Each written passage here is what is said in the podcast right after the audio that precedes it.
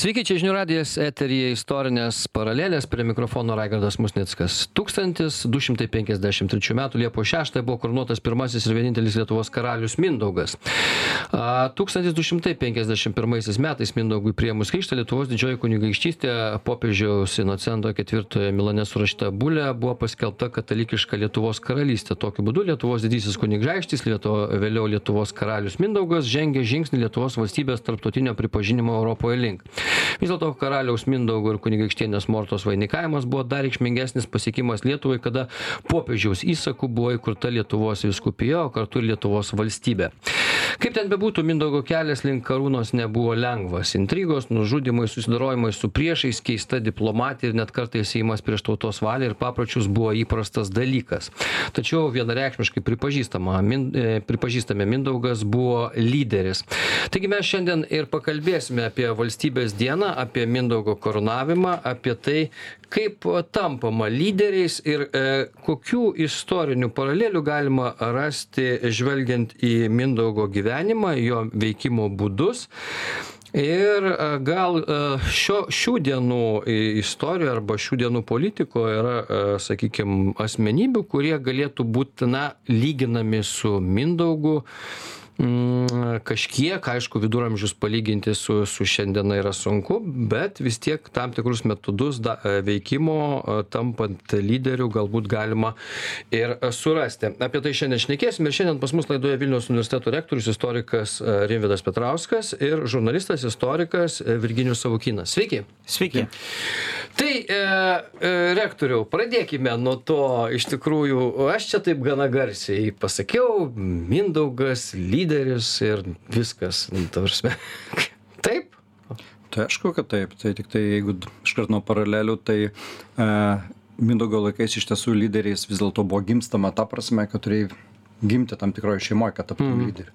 Dabar aišku, irgi gali gimti tam tikrose šeimose, mes turime ne tik ir Lietuvoje, ir pasaulyje įvairių lyderių dinastijų, bet, bet aišku, kad dabar dabartiniai demokratiniai santvarkai lyderių visų pirma lab, labiau tampama. Bet šiaip aišku, kalbant apie lyderystę, visuomet turbūt yra tam tikros mm, kondicijų humano žmogiškos tokios būties e, paralelės, kad reikia tam tikrų savybių, arba kalbėtumėm apie viduramžius, ar apie dabartinius laikus, tai klausimas visiškai pagristas.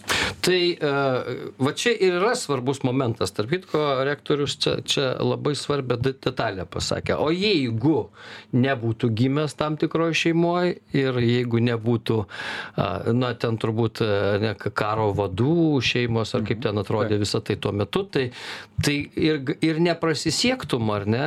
Kaip... Ne, be abejo, tai yra, ką nežinome apie Mindaugo tėvą, tai viena tik tai sužuomina įliuotojo kronikoje, kad jisai buvo e, didis valdovas. Tai reiškia, kad jisai jau buvo galingas. Tai yra, na, mes žinome, pavadinkime taip, tai buvo kunigaikščiai, kurie turėjo galę, kurie kurią ją pripažino tuometinė bendruomenė e, ir tik tais iš tokių giminių galėjo kažkoks asmuo suvienyti kitus kunigaikščius ne tik tais kalaviju tiesą pasakius, bet ir kitomis priemonėmis ir uh, sukurti valstybę. Ko paprastai vaikai e, tokiuose šeimose buvo mokomi? Nes jeigu pasižiūrėsi antikos laikus, kur nors ten makedoniečio kokius laikus, tai suprasi, kad iškart moko, moko kardą valdyti, o čia? No, tai žinoma tikrai ko nemokė tais laikais. Tai nemokė skaityti rašyti ir skaičiuoti turbūt nežinau dėl skaičiavimo ties bet e, tikrai mokė tikrai mokė karybos tikrai mokė nežinau kiek tai mokė gal praktiniais pavyzdžiais veikiausiai mokė politinio veikimo tam tikro.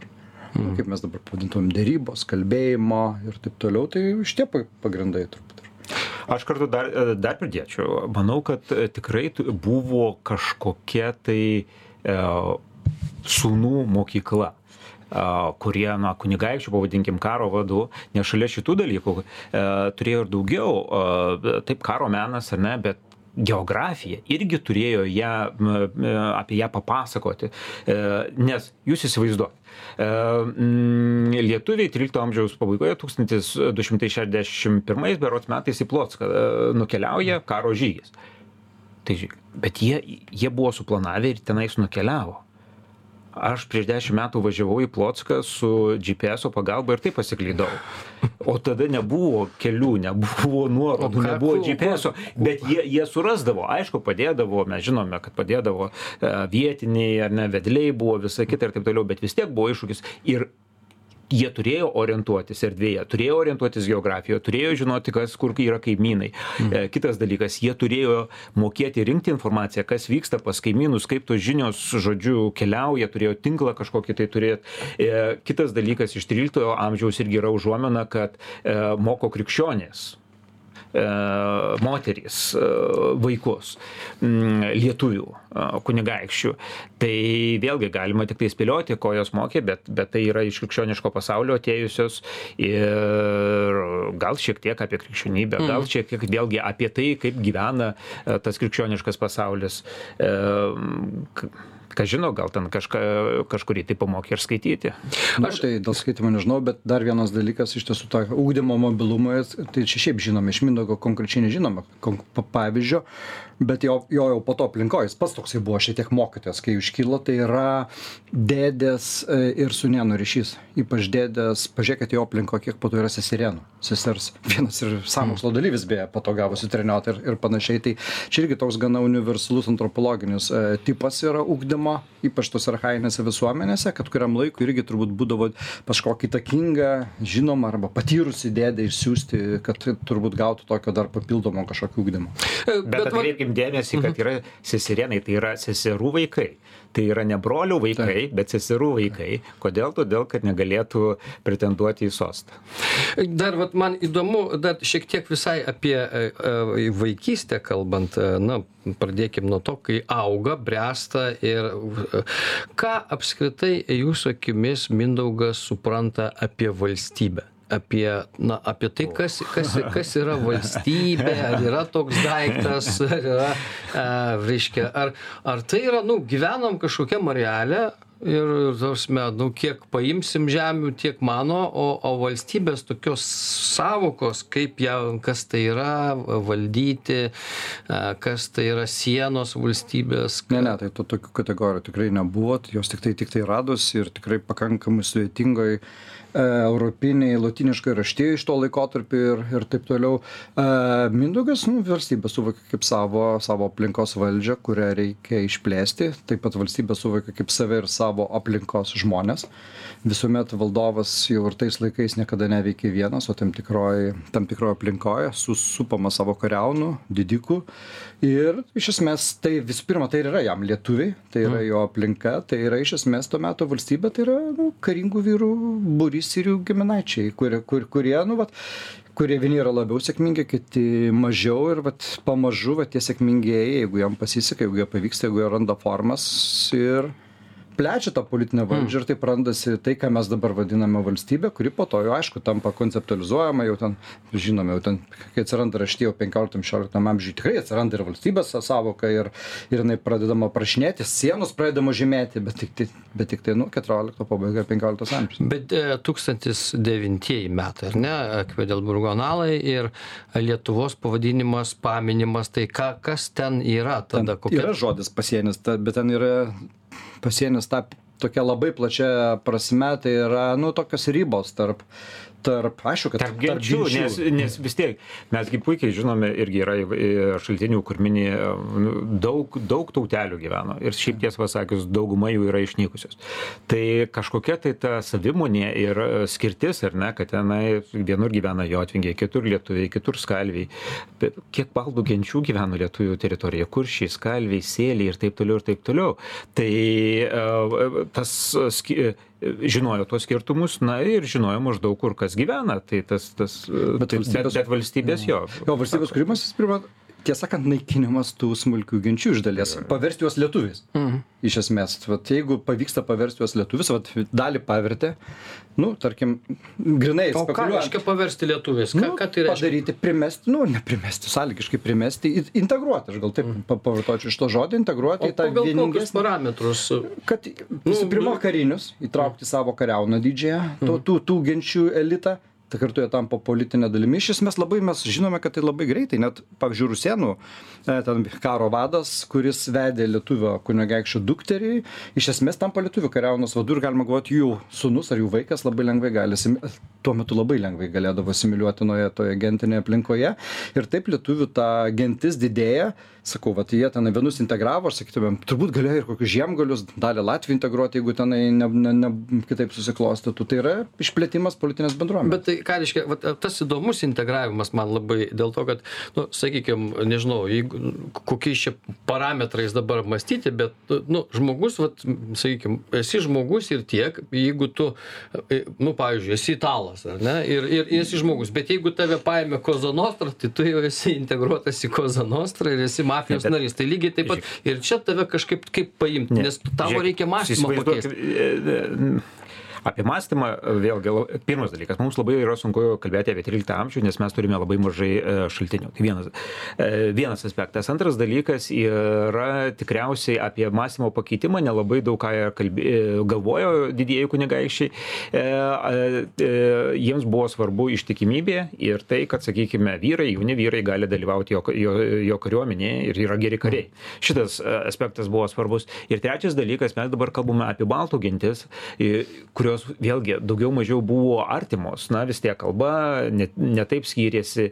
E, senoji, tie pagoniški papročiai irgi tikriausiai ne per daug skyrėsi. Tai buvo tam tikras artimumas ir mes pu- puikiai žinome, kad, sakykime, net prūsai, e, kaip kalbininkai sako, vakarų baltai, e, kada jau įsigali ordinas, jie čia atbėga ir į Lietuvą, ar ne? Tai kol irgi buvo geri mm, santykiai su didžiuoju kunigaikščiu, kaip sakykime, ta, na, suduvis toksai skomantas, kuris atbėgęs į Lietuvą, tai panašu, kol buvo geri santykiai su Traideniu, tai jisai čia Lietuvoje, o po to, kai Traidenis jau miršta, e, jau jo nebelieka, tai jisai vėl atgal sugrįžta į, um, į Prūsiją ir tampa krikščioniu.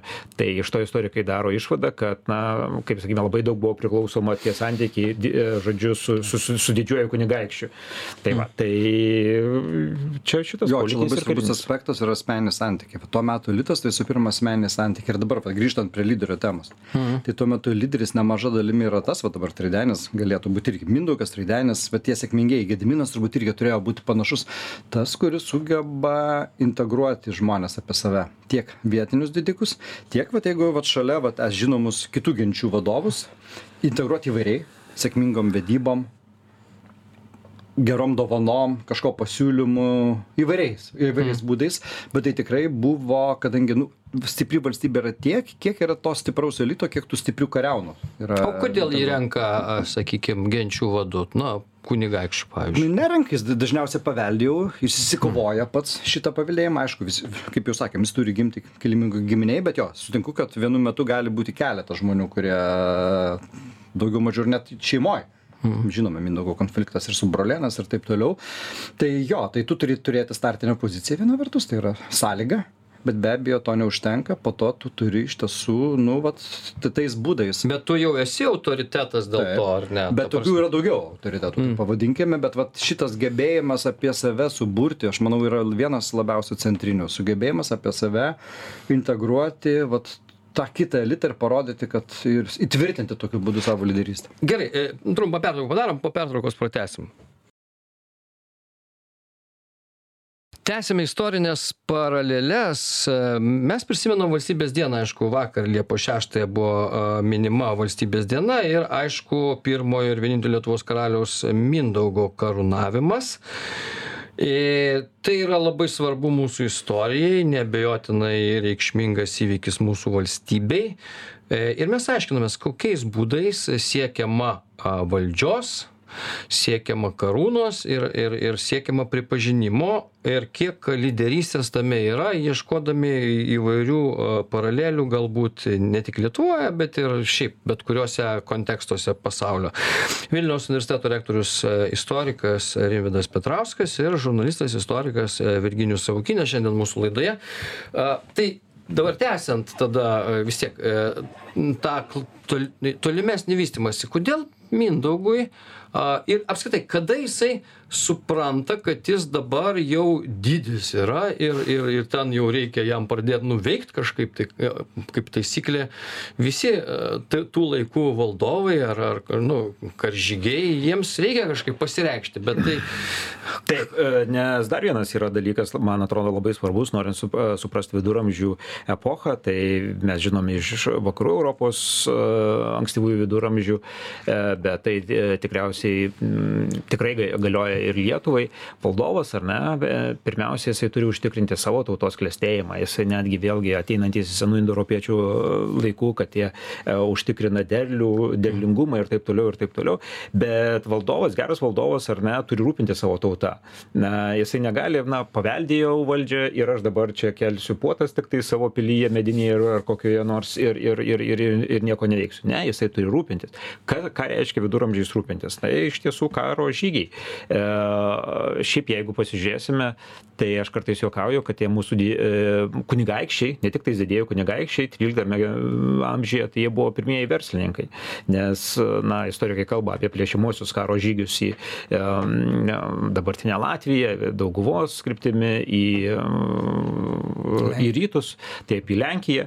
E, taigi ne dėl to, kad išplėstų savo politinę valdžią, ne dėl to, kad prijungtų tas teritorijas, jas aneksuotų ir paskui, žodžiu, okupuotų ir panašiai ir panašiai. Tai yra tiesiog, kad turtą kad prisiplėštų turto. Tai yra verslas. Tai buvo verslas. Ir tam, na, mes irgi iš aprašymų žinome, kad e, jeigu sėkmingas žygis, tai lietuviai po to keldavo puotas, dalindavosi tą turtą ir panašiai ir panašiai. Tai va, štai, didysis kunigaikštis turi užtikrinti šituos dalykus. Ir e, Mindaugas irgi turėjo. Tai iš to kas? Turtas gauna, dalinasi, dalina, ten irgi da, dalina, dalina, tai yra vėlgi kariauninkai, ne valstiečiams, bet tai... E, Tauta truputėlį daugiau yra. Jo, bet, tai, bet dar jeigu mes kalbame apie 13 amžių, tai vėlgi yra uh, tie, sakykime, ar tikrai uh, be abejo buvo turėjo būt profesionalus e, karių sluoksnis bet ar jisai buvo platus sunku pasakyt nes e, tikriausiai kaip pasakyt tarkime iš vikingų pavyzdžių tai žinome jie ten į į į savo laivą e, nuplaukė prisiplėšė grįžta o paskui vat ten tuos žemės ūkio darbus dar atlieka ir, ir vėl iki kito karto.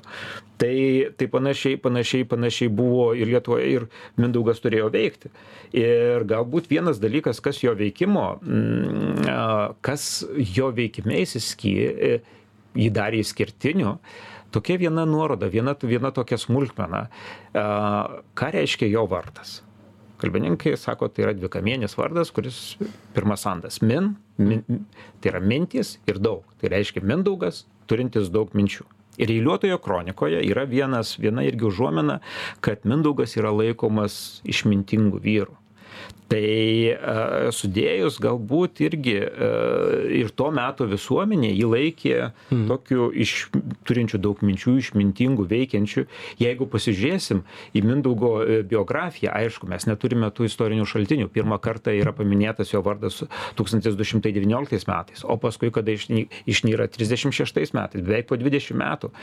Ką jisai veikė tuos 20 metų, mes nežinome. Galbūt jisai tiesiog laukė e, savo progos, nes pirmą kartą, kada yra paminėtas. Tai jisai tai tarp didžiųjų kunigaikščių bet ne ne ne vienintelis ir ne pirmas. Jam reikėjo išsikovoti tą tą tą savo statusą.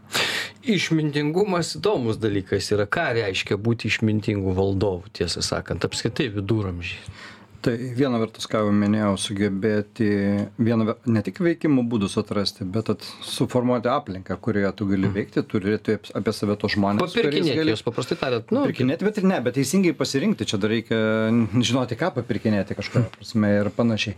Bet kita vertus dar truputį grįžtant ir prie tų žygių ekonomikos ir tikslo tai tikrai plėšimas yra ekonomika dalintis visų pirma su kariaunininkais tuo grobiu bet dar vienas dalykas e, tai yra valdovo įvaizdis valdovo reputaciją, valdovo charizmą, net galima taip pasakyti. Jis turbūt sėkmingas.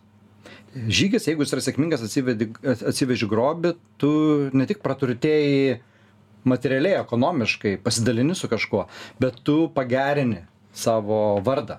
Mm.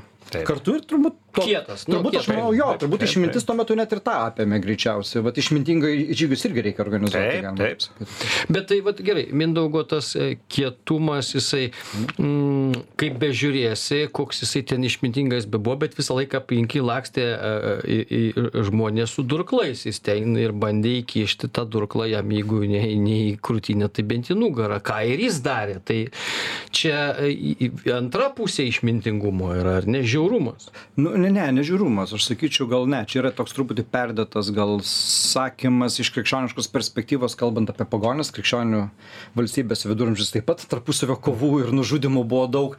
Tai iš tiesų nu bet tam tikros išgyvenimo strategijos to meto politinėj bendruomenėj kaip ir dabar yra. Politinės partijos jos konkuruoja tarpusavy tai kad nežudo vieni kitų ir taip toliau bet nu vis tiek tikslas yra laimėti iškovoti tą valdžią žinai tai tuo metu aišku toj kovoj tų galimybių buvo kitokių ir tam tikra išgyvenimo strategija to meto to meto santykiuose irgi aišku yra Trumpą pertrauką padarom, po pertraukos, dabar naujausios žinios, po pertraukos pratesim. Tęsime istorinės e, paraleles. Liepos 6 buvo koronuotas pirmasis vienintelis Lietuvos karalius e, Mindaugas. E, Apie tai mes šnekamės, kaip tampama lyderiais. Nebejotinai e, Mindaugas buvo lyderis.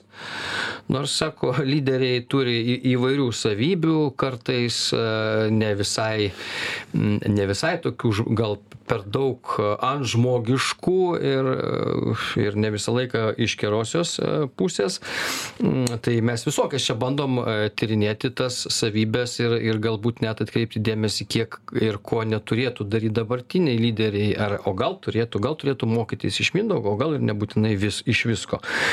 Vilniaus universiteto rektorius istorikas Rimvidas Petrauskas ir žurnalistas istorikas Virginijus Savukinas šiandien mūsų laidoje. Tai irgi toliau tęsiant, e, mano, man įdomu vis dėlto santykis valdovo e, su tauta. Nu, tuo, šiuo atveju Mindaugo, Mindaugo, kuris turi savo aplinkos ratą, turi savo kariuomenę, su kuriais dalinasi, kaip e, pats sakėjai, užgrobtus, e, ten užgrobtų žemių turtus įvairiausius, visą kitą. Bet tauta yra e, ne vien tik tai e, jo aplinka ir ten ka- kariai, bet ir e, moterys, e, žemdirbiai turbūt, nu, ir, ir Taip. visi kiti ir visi kiti, kurie turi suprasti ar, ar kažką, ką, ką tas valdovas veikia ir, ir kokia čia ta valstybės, jeigu jos ir tokios labai aiškios nėra, bet, nu, kas man iš to, kad vat, Mindaugas gauna karūną, pavyzdžiui. E, Nežinau, e, e, keli ni- niuansai.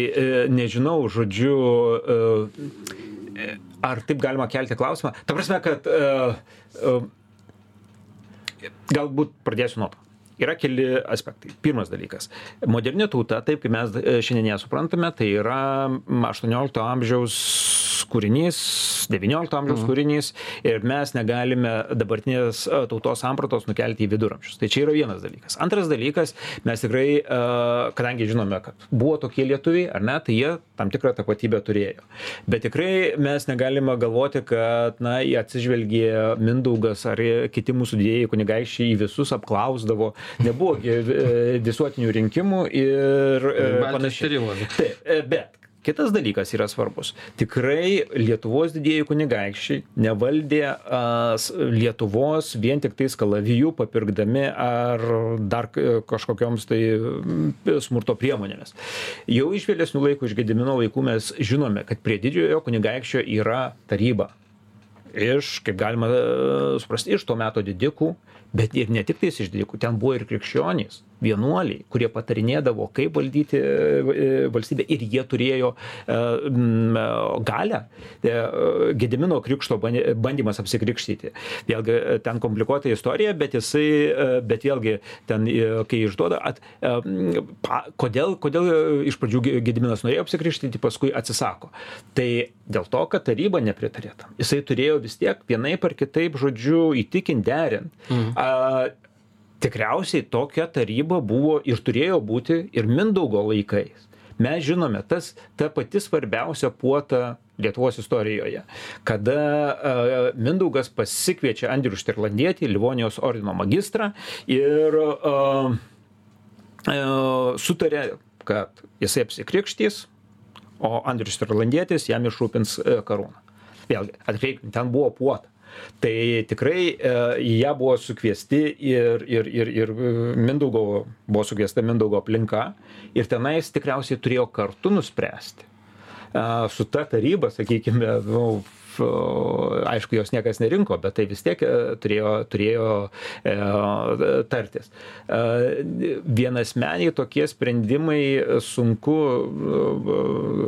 na, tikrai sunku įsivaizduoti, kad vienasmeniai sprendimais, vien, vien tik tais vienasmeniai sprendimai buvo. Ir jeigu dabar klausimas irgi toliau vedama, ar ne, ar, ar lietuviams buvo svarbi krikščionybė, sunku pasakyti, nes lietuviai jau seniai žinojo, kas yra krikščionis, beje, rytų krikščionybė krikščionybės, tai, kaip sako kalbininkai, tokie vardai kaip Petras Povilas, jie turėjo į lietuvių kalbą ateiti dar XI amžiuje iš rytų. Tai yra lietuviai mhm. krikštijosi dar ir anksčiau. Tai buvo žinoma, e, o dėl, pabaigiant dėl pagodybės, tai kitas epizodas, 14 amžiaus pabaiga, tai yra e, e, kovos tarp kestučių ir jogailos.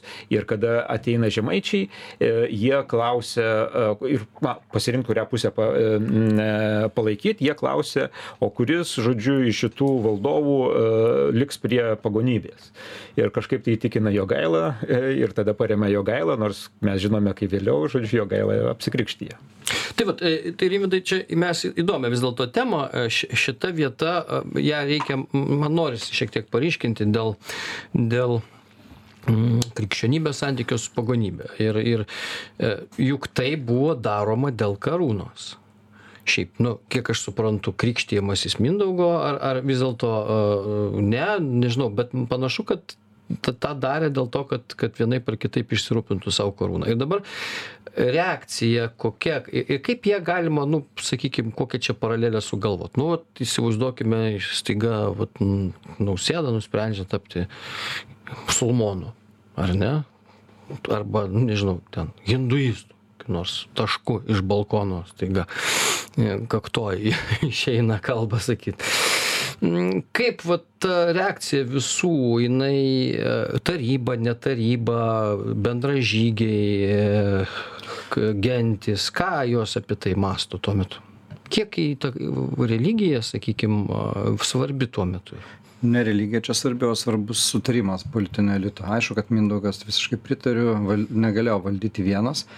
Viduramžiais visą laiką valdo latinišką tą formulę concilio et auxilio, tai yra patarimais, tai yra dalyvaujant politiniame procese ir karinę pagalbą auxilio ir taip toliau. Tai vadinasi, valdovui reikia aplinkos tam, kad suteiktų karinę pagalbą, bet kartu jie turi dalyvauti sprendimų primime. Tu negali primesti elitui savo nuomonės. Aišku, ne tautai, tikrai ne tautai, visai, kaip mes ją dabar suprantame, žemdirbiams visiems ir taip toliau, bet turi būti tokio plataus elito tam tikras sutarimas, kad šitas žingsnis galėtų būti. Bet tu turi žengtas. pranešti jiems. Tu apie- turi iš anksto tą suderinti, Su- pranešti. visus ir sakai, o dabar, žinot, vaikinai, Tai turbūt ne per vieną kartą ilgai, o kodėl to reikėjo, tai aišku, dėl karūnos galima taip supaprastinant tai pasakyti, bet, nu, pažiūrėkime tą visą geopolitinę aplinką. Tuo metu Lietuva jau tuo metu tampa sala šiek tiek e, pagoniška tarp, tarp krikščionių. Natūralu, kad ir tarp minto įvairios koalicijos būrės įvai vienokių ar kitokių pagrindų. Tai tas prieimimas krikšto yra kartu ir geopolitinis žingsnis. Nu, mes dabar, vad, sakytumėm, nu, tikrai negalima lyginti taip paprastai įstoti į NATO ar įstoti į Europos Sąjungą, bet tapti tam tikros platesnės tokios e, geopolitinės bendrijos nariu, tai yra krikščioniškos e, visom e, bendrijos nariu. Kiek tai konkrečiai suprato Mindaugas, kitas klausimas, bet tai kartu, žodžiu, Mindaugo krikštas karūnacija yra dviejų problemų sprendimas. Čia tikrai. Tai viena problema yra išorinė, Mindaugas tampa pripažįstamas kaip vat, vienas iš tokių suverenų šalia kitų vat, kažkur gyvenančių suverenus, kurie jau neturi pagrindo tai paimti ir puldinėti jo, jo kraštų ir panašiai. Jis yra vat, vienas tarp tokių, kuris gauna beje popiežiaus e, e, dokumentu tam tikrą patvirtinimą, yra suteikiama globa net. Ir Švento tada ir taip pasakoma iš ten ir iš Nu, bet jau vokiečių nebelįskit. puldinėti. Mhm. Taip. O antras dalykas, nu, ko reikia, kodėl reikia ka- karūnos, tai visų pirma, nu, tam, kad išsiskirti. Išsiskirti iš kitų, nu, vis tiek tai yra dar daug tuo metu karo vadų. Karūną gali gauti ir ka karūnuojamas tiktai vienas. Tas monarchijos įtvirtinimas per karūnaciją per patepimą per karūnos uždėjimą yra tikrai labai svarbus žingsnis. Vėl kiek konkrečiai mindaugas suprato ir taip toliau bet aš manau to meto realybė yra tokia nu ženklai yra labai svarbu. Ženklai simboliai įtvirtinimai kažkokie. Nu vis tiek visi žinojo daugiau mažiau. O kiek kiti žinojo dar geras klausimas tikrai kiek kiti vat paprasti vat žmonės lietuvoje galėjo žinoti mindaugą matyti aš manau galėjo matyti pakankamai daugiau net negu kai kuriuos vėlesnius valdovus vien dėl to meto ekonomikos Nes Lietuva krikštėsi vėliau iš Ne, tikrųjų. ne, bet visų pirma, dėl to galėjau matyti, kad tuo metu ekonomika yra dar tokia, kad valdovas valdė nuolat keliaudamas su savo dvaru. Čia dar svarbus aspektas.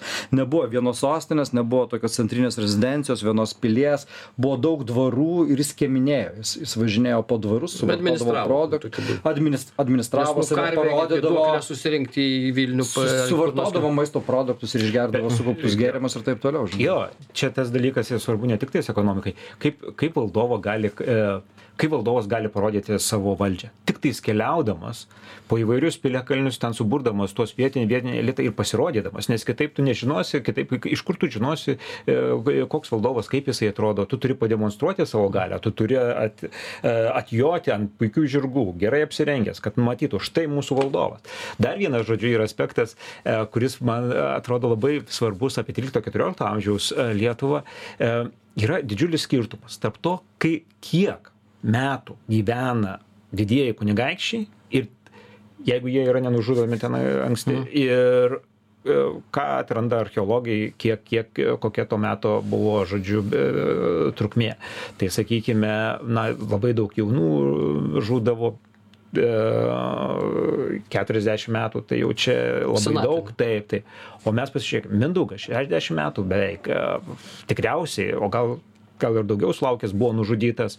E, Kestutis, e, Vytautas. e, 80. Taip, taip, taip. Tai jūs pasižiūrėk, yra visa karta, buvo tokių žmonių, kurie gimė prie to paties kunigaikščio ir numirė.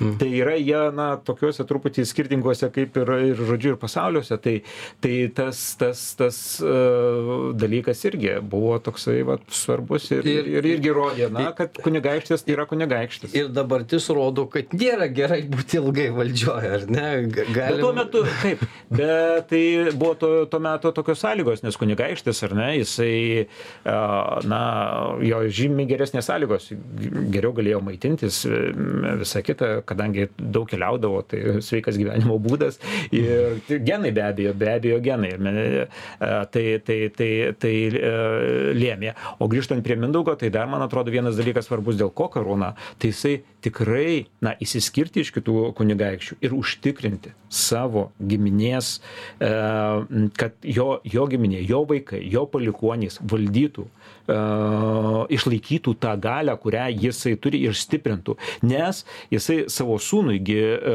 rūpinosi, kad sūnus taip pat būtų karūnuotas. Tai rodo, kad jam na, buvo svarbu ne tik tai šia, šia, aš savo reikalus pasitvarkau, bet kad būtų užtikrintas uh, jo giminės. Ilgas gyvenimas, ilgas valdymas, tai iš tiesų yra darybė tais laikais. Jokios rotacijos tai niekas nereikalavo ir taip toliau. Kaip tik yra gerai, kad valdovas Taip, gyvena. taip, taip. Ir, nes kiekviena valdovo mirtis, neužmirškime, viduramžiais vis tiek truputį krizė. Ypač kai nėra iki galo sureguliuotas valdžios paveldėjimas, visuomet kyla įtampų, kova dėl valdžios, kažkas neišvengiamai žūna toje kovoje. Todėl valdovo mirtis iš esmės yra blogai. Yra, tai. Dabar gerai, tada e, jau vis tiek mes turim nedaug laiko, dar e, e, e, rektoriu apie e, pabaigą Mindaugo. Nes, nu, lyderio pabaiga irgi yra pamoka jo veikimo būdu. Turbūt, a, na, viduramžiai vėlgi, sakykime, taip yra, bet, nu, yra, kurie ir, ir ilgiau nugyvena, ir labiau savo mirtim numiršta, a, ten kaip Vytautas. A, a, Istorijoje daug pavyzdžių yra e, ryškių, kur dar ilgiau nugyvenę, Ramzis II 93 nugyveno metus, e, faraonas. Tai tai todėl klausimas toks yra ką mindaugas padarė ne taip įsismaginęs karūnos besiekdamas kad e, vis dėlto sulaukė tokios pabaigos? Aš gal dar vieną aspektą pasakysiu kuris man atrodo toks svarbus nepaisant visų istorinių skirtumų bet aš taip eidamas į laidą pagalvojau kad čia gali būti tokia tikrai svarbi tezė. E, kalbant apie mindaugo laikus ir šių dienų paraleles tai yra aš pavadinčiau toks sąlygiškai galimybių langas Nu, gi- mindaugo karūnacija buvo geo galimybių langas ir geopolitinio konteksto požiūriu. Popiežius imperatoriaus ten aš dabar tikrai nepasakosiu konflikto kontekste kad buvo labai susiklosčiusi gera politinė konjunktūra. Pažiūrėkime kaip greitai įvyko dalykai. Per du metus krikštas karūnacija tai pažiūrėkime vy vytauto istorija visiškai priešinga. Jau ten nebuvo tokios geros galimybės ir nepavyko nors gal net geriau pasiruošęs buvo ir ir panašiai. Tai vat pasinaudoti ta politine konjunktūra kažko pasiekiant kažkokį pokytį. Kaip lietuva nu taip pavadinkim aštuoniasdešim aštuntais devyniasdešimtaisiais turėjo irgi tą galimybių langą kurią pasinaudojo ir kurią galbūt ukraina tuo metu ne taip gerai pasinaudojo ir taip toliau. Tai čia šita yra tokia svarbi paralelė. Ką blogai padarė per tuos dešim metų nes iš tiesų ne tiek ilgai buvo karalius dešim metų sunku pasakyti tikrai turime per smarkiai smarkiai per mažai šaltinių bet nu jeigu ir įvyko konfliktas jeigu jis buvo nužudytas vadinasi kažkurioj vietoj jo gebėjimas susitarti su bent jau dalimi elito nu kažkiek suš turėjo sušlubuoti kad jis turbūt ir nepastebėjo nors žinome kad jo žmona jau perspėjo senai jau apie trenioto jos seserėno treniotos kuri ku kuriai net beždžionė taip pavadino kronikininko turbūt lūpomis ir taip toliau. Tai gal neįver turbūt neįvertino neįvertino savo aplinkoje prasidėjusių pokyčių se senstantis mindaugas o pokyčiai dėl ko dėl ko tie pokyčiai Dėl to dėl dėl valdžios tai taip bet jis gi jau turėjo ir karūną ir ir galėjo Jo, labai tai turėt stiprią bet e, minėtame, kad e, galime pastebėti, kad globodavo seserienos. Tai yra sesers vaikus. Tikimasi, kad e, negalės paveldėti, nes- teisė, teisė pagal vyro liniją pave- paveldėjimas. Vienas iš tų seserienų buvo treniota. Ilgą laiką, įsivaizduokime, žmogus, kuris buvo a, valdžios šešėlyje, jisai jam a, sekėsi, pas, na, į, į, į, a, sėkmingas žygis į Plotską ir taip toliau, jisai buvo puikus karo, karo vadas ar ne pasiekęs daug pergalių, e, daug grobių atvežęs e, į, į, į, į Lietuvą ir akivaizdu, kad jo ambicijos e, kilo. Ir tada klausimas natūraliai, kaip ir daugeliui, o kodėl aš turiu tarnauti senstančiam valdovui, jeigu aš, jeigu man klostosi geros sąlygos ją pasiimti. Ir uh, galutinai jos susiklostė tada, kada Mindaugas, na, rašoma kaip šaltiniuose, kad uh, mirė jo žmona Morta, jos gedėti atvyko jo sesuo, jis ją pasilaikė savo. Dėl kokių priežasčių, na, čia yra įvairių versijų, bet ta buvo Dauman, bet ta sesuo buvo Daumanto žmona. Na ir e, panašu, treniota šituo pasinaudojo, šitą aplinkybę, nes Daumantas buvo įžeistas ir jisai tapo įrankiu trinioto samokslė, nes Daumantas banalu banalu Mindaugą. nu ta prasme kažkokios Čia- žmogiškos klaidos, Taip, bet pasižiūrėkit, visi vi, e, tokia istorija, didelis tokia, ly, žmonės. ly, tokia lyderių istorija bet Taip, ir paskui tos pačios banalios ir klaidos ir visa kita. Tai toks, pasilaikai savo kažką kažką dar pasilaikai savo ir na vis tiek sąmokslui reikia jėgos. Sa jeigu tu reiškia arba tu prarandi budrumą ir o budrumo praradimas yra reiškia kad tu nu niek ta prasme tu jautiesi jau dievu iš dalies aš tikrai sutinku kad turbūt nu dešim metų sakom trumpai bet vis tiek turbūt ir pakankamai ilgas laikotarpis kad pajausti kad tarsi viskas sutvarkyta sūnui tikrai garantuotas paveldėjimas. Žinome kad sąmokslas įvyko tuo metu kai mindaugas tikrai buvo praradęs budrumą buvo išsiuntęs kariauną savo pagrindinę nu plėšti ir turbūt nepasirūpino tokių gerų užnuogarių taip turbūt kad budrumo praradimas ir panašiai bet apskritai tuo metu pan pras tada prasidėjo karų serija dėl konfliktų pats treniota neilgai gyveno po to Taip. mindaugo sūnus dar kitas irgi buvo nužudytas na iš esmės išgyveno vienintelis veikėjas to laikotarpio daumantas kuris ir tik dėl to kad pabėgo labai toli į pskovą ir tenai dar ilgai gyveno visiškai kitam politiniame kontekste.